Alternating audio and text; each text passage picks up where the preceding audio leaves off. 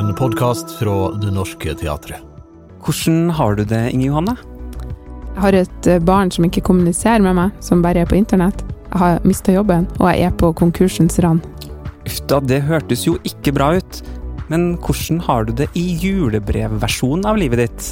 Der er jeg veldig takknemlig for å skulle feire jul med mitt filosofiske og teknologiske begava barn. Det er en gave å få prøve ut nye karrieredrømmer midt i livet, og det er både veldig viktig og riktig for meg å frigjøre meg fra det materielle jaget.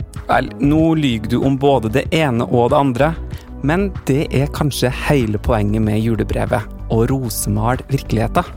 Julebrevet gir iallfall mulighet til å se de bra tingene i det livet du har, og det er jo fint.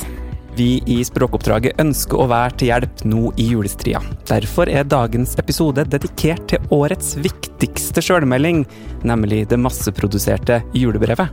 Men hvor tjukt kan man smøre på? Hva slags sykdommer er tabu? Og hvem er julebrevet egentlig til for? Vi har fått med oss ei som er ekspert på området, i denne episoden av Språkoppdraget. Du lytter til Språkoppdraget, en podkast fra Det Norske Teatret. Med Inger Johanne Søterbakk og Erlend Tognesvik Dreiaas.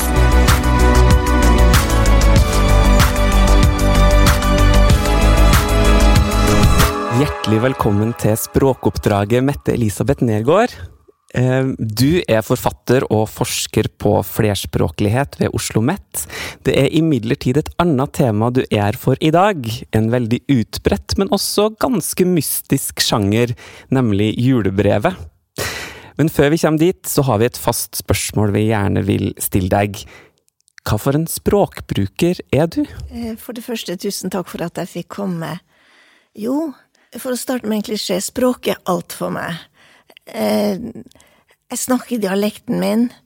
Jeg er oppvokst i eh, Finnmark, eh, Kirkenes, Tana, Vadsø. Jeg har lagt meg på en Vadsø-dialekt og tviholdt på den. Eh, Det er mitt muntlige språk, det er identiteten min. Og som underviser og så hadde det vært helt helt nødvendig for meg å kunne beholde dialekten for å kunne utfolde meg faglig og emosjonelt på en naturlig måte. Og det har jeg alltid fått eh, stor aksept for, eh, å bruke dialekten. Når det gjelder det skriftlige, så så mm, bruker jeg begge målformer, eh, bokmål og nynorsk. Eh, Nå er jeg nok bokmålsbruker i ja, det jeg skriver eh, det Mesteparten av det jeg skriver, for det jeg har hatt som opplæringsspråk på skolen, men, men, men jeg har brukt nynorsk veldig mye i jobb, både som journalist og ikke minst i jobb som eh, ja, som eh, lærer ved universitet og, eh, og som forsker.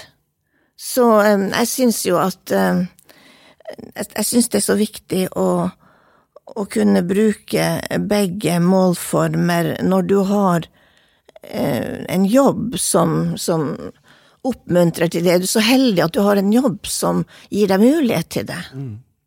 Du skulle ha jobba her på Norske Teatret, du. ja, jeg vet ikke hva jeg skulle ha gjort her, men Men nå, nå er du jo her for å snakke om ei forskning du gjorde for 20 år siden på, Ja, ja, ja. på julebrev. Eh, hvordan starta den interessen? Jo, jeg må nesten flire, for det er jo, det er jo typisk et, et, et sånn sidespor i forskninga mi som har vært veldig morsomt, da. Jo, det starta med at, vi som barn fikk en masse eh, brev, sånne masseproduserte brev i posten, og vi bodde da på et veldig øde sted, Langnes i Tana. Og eh, faren min eh, var prest, og de hadde mange kjente rundt om i landet. Eh, mye prestefamilier, men, men også andre eh, folk som sendte julebrev med utførlig beskrivelse av, av livet, mest av eh, ja, det var ikke så mye sånn materielt den gangen, men det gikk mye på Det gikk en del på barna da, og det var jo det vi barn var interessert i, fordi det stemte så sjelden med virkeligheten. det var liksom fiolinspillende søndagsskoleelever som opptrådte, og vi lo og lo. Altså, foreldrene våre prøvde jo å dempe oss litt, men, Men så kom jeg som voksen på, i og med at jeg jobba mye med retorikk i, i, eh, i arbeidet mitt, så, så, kom jeg plutselig på at det er, var jo et fast inventar av temaer i de julebrevene, og språket var også ganske eh, ganske lett å klassifisere, på en måte, uttrykksformer og sånn. Og så slo det meg at det her stemmer jo veldig godt med en, en, definisjon av retorikk som blant annet Caroline Miller bruker, at retorikk er rammer for å formidle muntlig og skriftlig tekst som opptrer i gjentagende situasjoner. Eh, sjanger er en, en, ramme for å eh, ja, formidle den type tekst, og og, og når jeg begynte å studere, så hanka jeg inn en eh, hundre julebrev. Jeg var jo i foreldrene mine sine skuffer, men jeg fikk også fra venner, og hadde også noen sjøl. Prøvde jo å unngå venner for å ikke henge dem ut, men det, det skjedde vel noen overtramp der. og da fant jeg jo ut at det var forbausende eh, ja, ja, det var forbausende standardisert opplegg på, en, på, en, på en måte. Likevel var det stor variasjon, for jeg valgte 100 julebrev med forfattere av forskjellig alder og livssituasjon. Og med livssituasjon så mener jeg jo er du par, er du enslig, eh, ja, er du i jobb, er du pensjonist? Det var jo ingen under 40 som skrev julebrev, det var det ikke. Men eh, men, men etablerte par, gjerne med små barn, eh, sendte av gårde julebrevene. Så sånn starta det. Men jeg trodde jo aldri at det skulle vekke så stor interesse. For det er interessant, altså da du, du skrev jo da en, en, tekst basert på den analysen du gjorde av retorikken i de her julebrevene, ja. i tidsskriftet Norsklæreren. Og så ble det plukka opp av Akersgata og havna i avisene, og så det balla på seg. Det ble veldig interesse for det her forskningsprosjektet ditt. Ja da. Jeg var jo også på besøk hos Skavlan et par ganger, og eh, nådde jo ut til folk. Og jeg, jeg tror at eh, det var en veldig sånn sterk gjenkjennelse, for det handler jo om selveksponering. Julebrevene er jo senderens sosiale selvangivelse. Altså at du, du oppgir hva som har skjedd i år. Og det er altså utelukkende harmoniske univers som presenteres. Sånn at det er såpass konkret at uh, du kan skrive om somatisk sykdom. Du kan til og med skrive om kreft hvis du er på bedringens vei, men helst handler det om hofteoperasjoner og, og, og den type ting. Uh, men uh, du kan ikke skrive om psykisk sykdom, ikke karrierefall, ikke skilsmisser, ikke om barn som er ensom eller er usosial. Så eh, det er eh, det vil si, du kan skrive om skilsmisser, har jeg funnet i seinere forskning, men da har du et veldig idylliserende grep. Du forteller om hvordan barna fra første ekteskap er pliktoppfyllende barnevakter for kull nummer to, og den type ting. Så eh, når du snakka om ditt forhold til julebrev i barndommen, ja. så opplevde jeg at du nesten leste det som en slags fiksjon. Ja. Eh, og det, det, er jo nesten en fiksjon når vi skriver det òg. Eller hvor, hvor, langt har man lov til å Hvor mye har man lov til å pynte på? Jeg syns det var veldig godt uh, formulert av deg, det her, fordi julebrevene er jo fortellinger om uh, våre egne liv. Og det er jo de fortellingene vi ønsker å presentere for omverdenen som, som vi leverer ut. Eh, så, så, på den måten er det jo fiksjon, for, for vi Det kan godt være at uh, alle hendelsene stemmer, uh, men vi utelater jo uh, Vi utelater jo alt ubehagelig, og vi utelater også mottaken i de masseproduserte julebrevene, selv om vi skriver i tittelen 'Kjære Geir og Anne', eller ja, kjære tante, og så eh, så er det bare en linje som eh, som signaliserer at, at, at, vi har mottakeren i bevissthet. Ellers så handler julebrevene eh, om oss sjøl. Om senderen sjøl. Nå sier jeg oss sjøl, men Jeg Skriver du julebrev sjøl, forresten? Ja da, jeg gjør det. Og, men ikke masseprodusert. Jeg skriver til hver enkelt Men, eh, og, og jeg går i akkurat de samme fellene. Jeg skryter veldig av ungene mine, altså. og barnebarn nå. Ja, det er veldig Det er pinlig det. Men Du var jo inne på det her med mottakeren. Ja. Eh, Og det er jo en dristig, dristig form å skrive det samme brevet til kanskje 50 så ulike mottakere. Noen må jo være i stand til å på en måte avsløre deg. Ja, absolutt.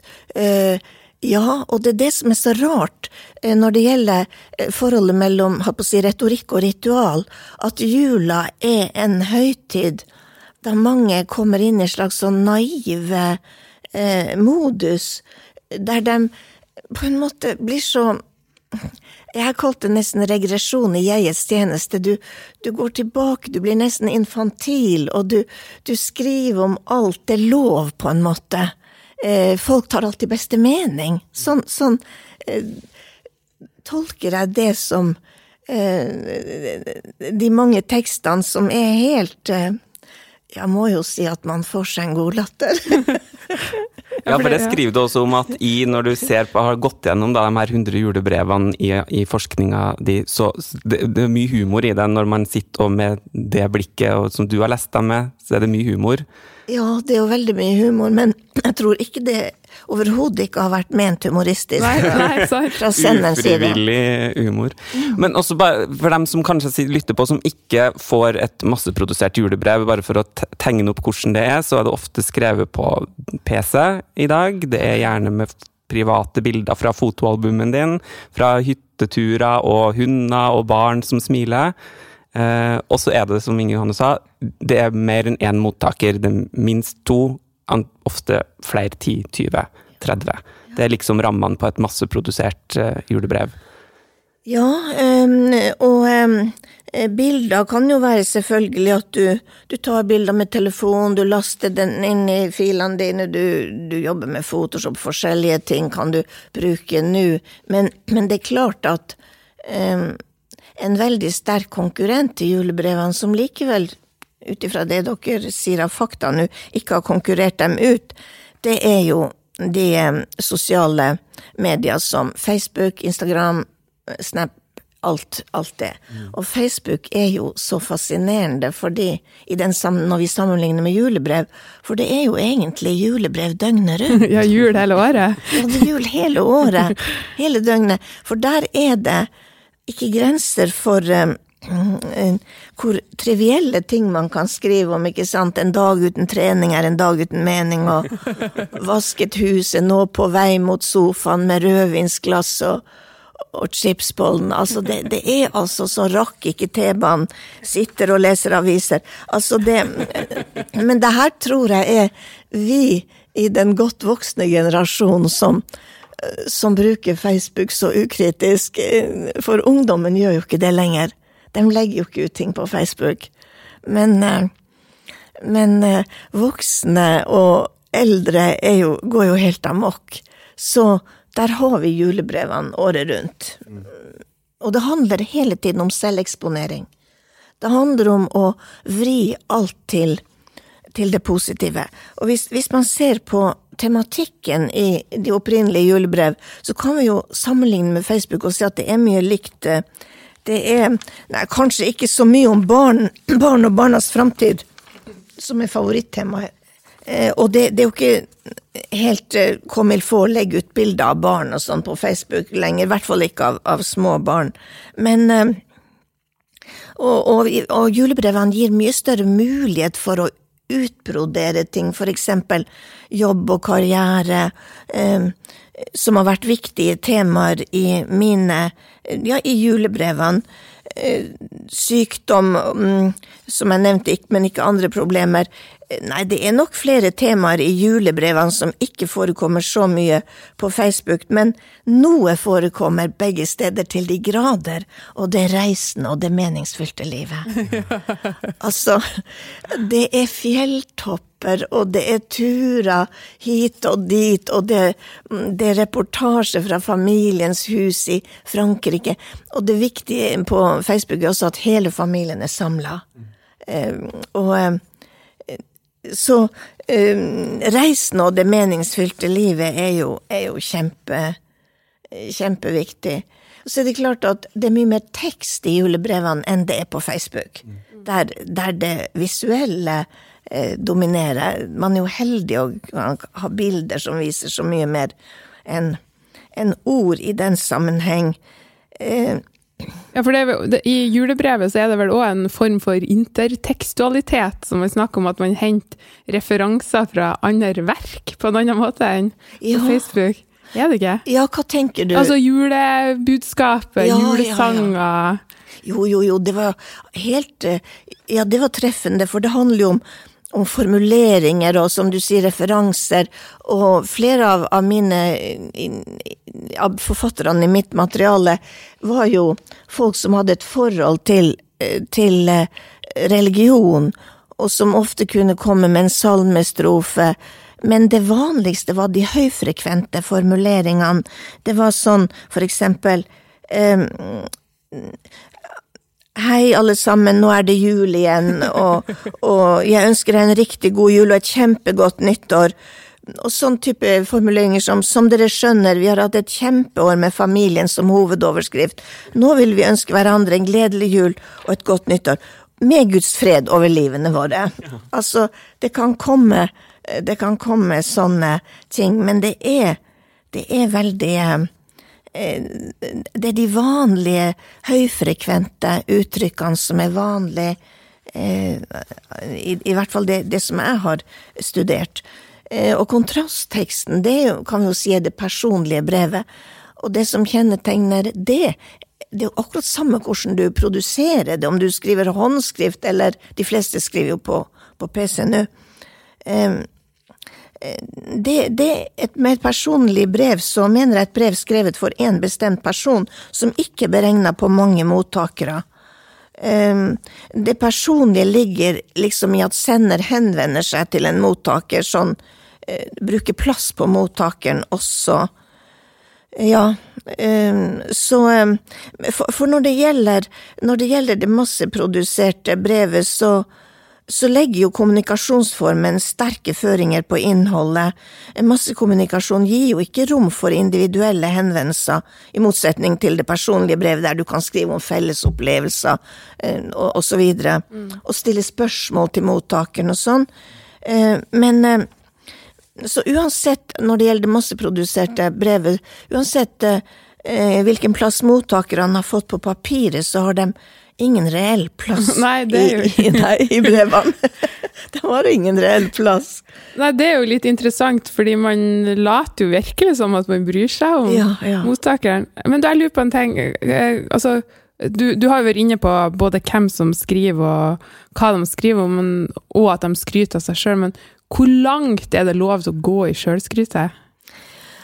Jeg vil si at det, det er ingen grenser der. eh, Det har med for, måten du formidler det på. Det, det, det er helt utrolig hva man kan, eh, hva man kan eh, skryte av. Det, det er morsomt med barn, for jeg mener vi, vi er jo alle stolt av våre barn og, og barnebarn. Men det er liksom Det går ned på et sånt detalj, detaljnivå. Det er ikke lenger populært å ha barn som er lesehester og innesittere. Barn må være sosiale. Og du nevner altså alle eh, All idretten de, de deltar i, eh, musikk, undervisning, alt. Altså, det er bare treningstidene som er utelatt. Alt er med. Og da Og hvor flinke de er på data, og det, og det mener jeg, det, det går over alle grenser, altså. Um, og um, Men, men i den andre enden igjen, da, eh, det at man holder igjen på det som er vondt og vanskelig, eh, gjør man det for å av omsyn til seg sjøl, eller, eller for å ikke ødelegge jula for andre? Jeg tror det er begge deler, faktisk. Jeg tror man tenker at man skal ikke bry andre med triste ting i jula. Men hvis man er på bedringens vei, da er det lov. da, da er det lov. Har bare sånn bitte liten snutt her om, om, om, et barn da, som er veldig typisk. Tobias utvikler seg hele tiden. Han er blitt en bestemt ung mann som på mange måter burde hatt unge foreldre, men han gir også en masse glede. Han er kjærlig, og rett som der får vi runde små armer rundt halsen, en klem og en kjærlighetserklæring. Og hvem er det vi alle sammen snakker mest om i det daglige og savner mest når han en sjelden gang er borte? Vi slutter aldri å undre oss over hvor kompliserte tankerekker et lite hode kan produsere.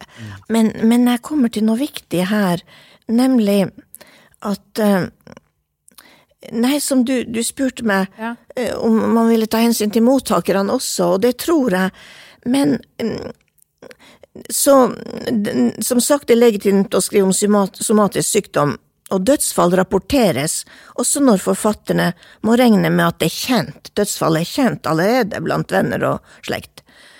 Ehm, så forfatterne omtaler som regel ikke problemer eller vanskelige endringer i familien, for eksempel uønska barnløshet, eh, samlivsproblemer, skilsmisse, rusavhengighet, oppsigelser og arbeidsledighet, konflikter ved arv osv. Mm.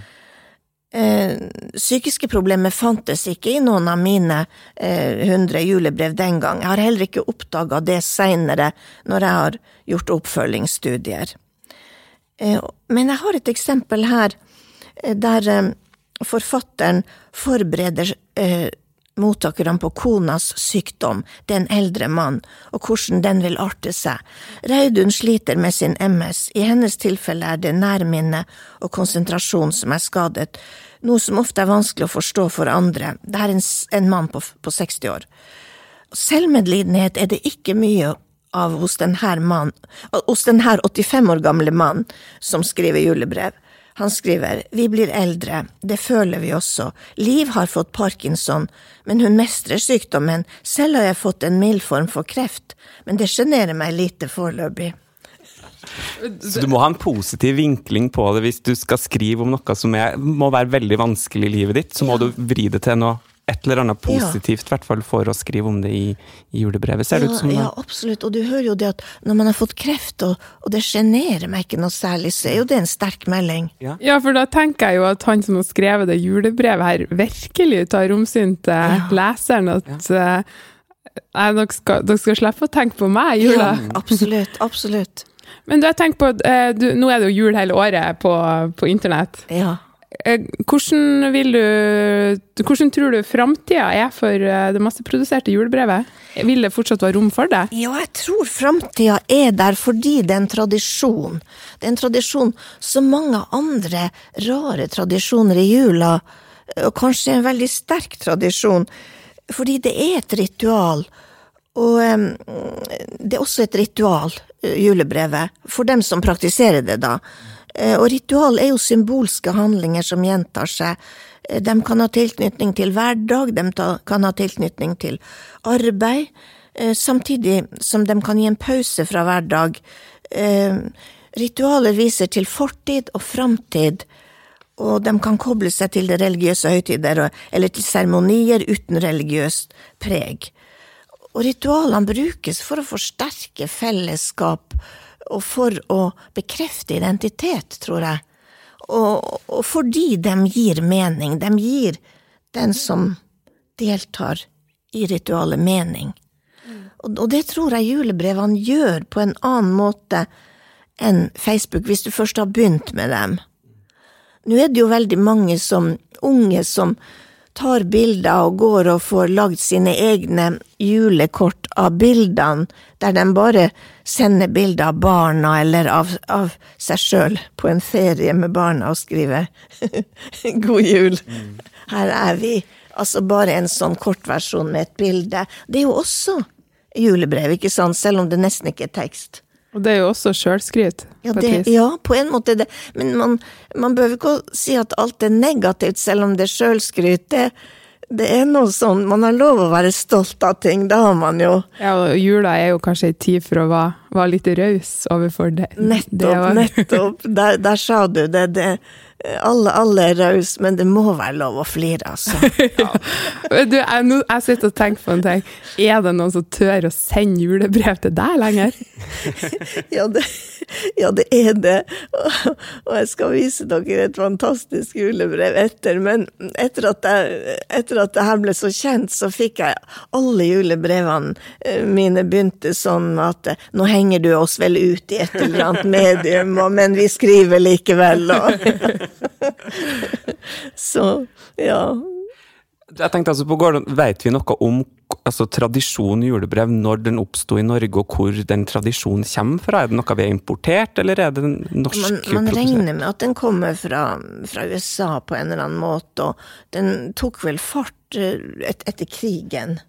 Eh, og eh, det har, ikke, det har ikke vært forska så veldig mye på det, men, men julekort og sånn har det jo vært forska på har ikke det. Når de første julekortene ble sendt osv. Det er jo mye, en mye eldre tradisjon. Og da handla det jo om at det var billigere når det bare sto ble mindre porto når det sto bare 'God jul og godt nyttår', og så navnet under. Så nei.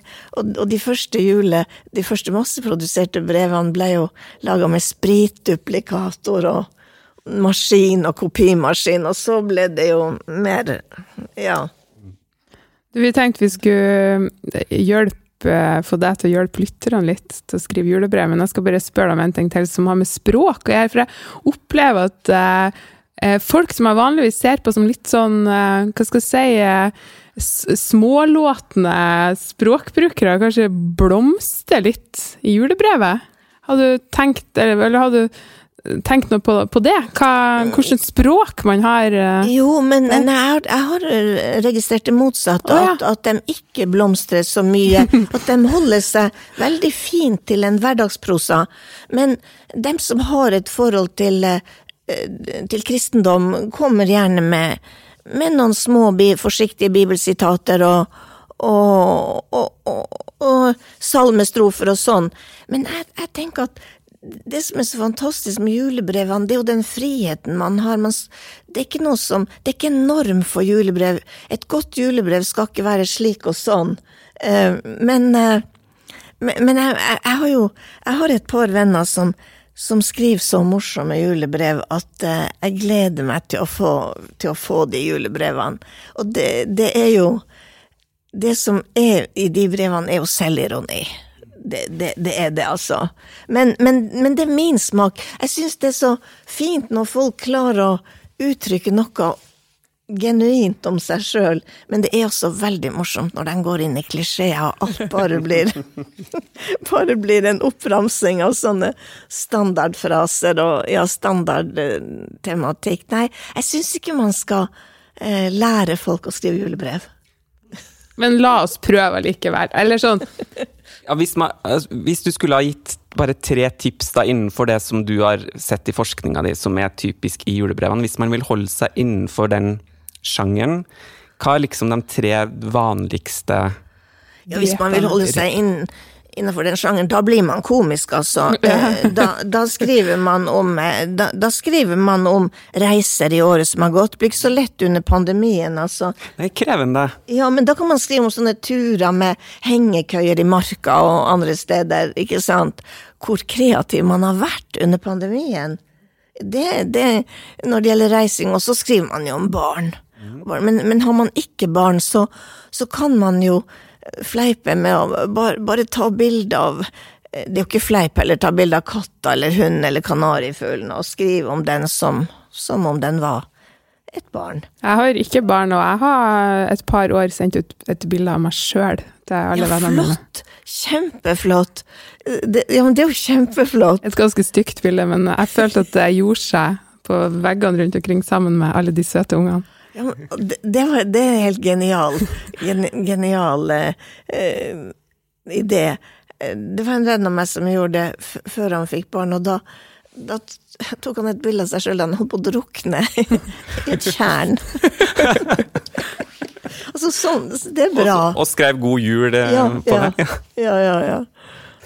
Eh, holdt seg så vidt flytende. Altså sånn Nei, barn, meningsfylte reiser.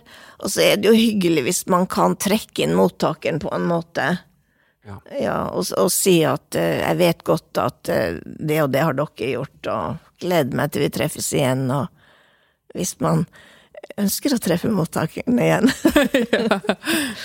Jeg så jo du har brukt et eksempel i, i forskninga di der du sa at det var en em, julebrevskriver som invitert mottaker på teater, for eksempel. ja, ja, ja. Så det går an. Ja, det var, det, var, det, det, var et sånt kjempeflott, atypisk masseprodusert julebrev. Eh, det var eh, Det var Kurt Elias på 48 år som starta brevet sitt sånn Strutsen gikk ned for full musikk, og det skulle jo bare mangle, for det er, det er, år 2000 i, i år, det er altså så lenge siden han skrev det.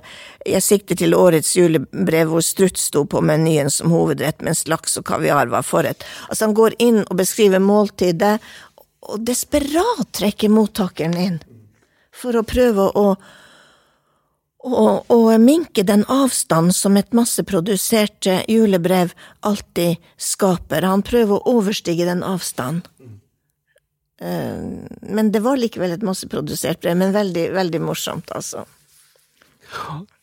Har fått, nå har du vært inn på atypisk julebrev, men hvis du også skal gi noe, du kan noen tips til hvis du skal holde deg innenfor sjangeren, men hvis du også skal gi ett tips for dem som ønsker da å bryte julebrevsjangeren, altså hvis man vil utfordre sjangeren, hva skulle man prøvd seg på da? Nei, da tror jeg det selvironi er veldig, veldig morsomt. Hvis du klarer å se på, på det du har gjort, altså hvis, du, hvis det er naturlig for deg.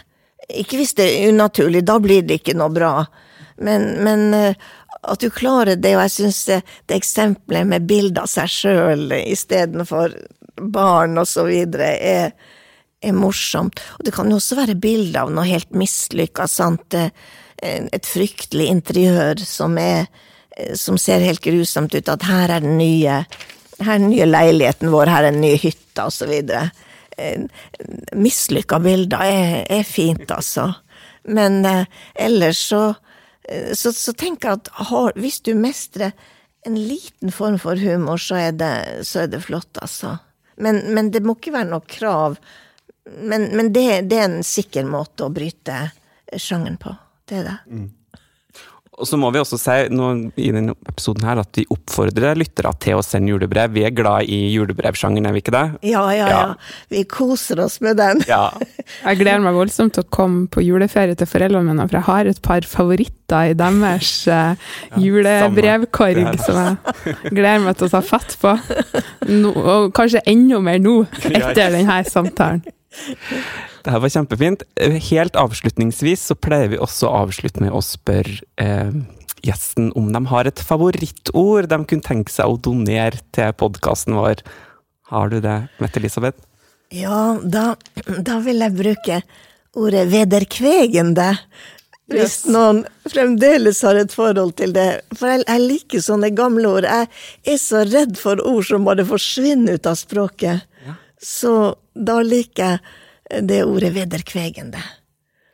Hvordan bruker du det ordet? Det er noe som er veldig bra, noe som gjør godt. Ja, det var vederkvegende. Det var et vederkvegende julebrev. Tusen hjertelig takk for at du kom hit til Språkoppdraget. Tusen takk for meg. Og god jul! Takk i like måte. Bli med i samtalen. Send inn dine spørsmål og kommentarer til sprakoppdraget krøllalfa denorsketeatret.no. Produsent er Ole Herman Andersen. Flere podkaster fra Det Norske Teatret finner du i podkastappen din.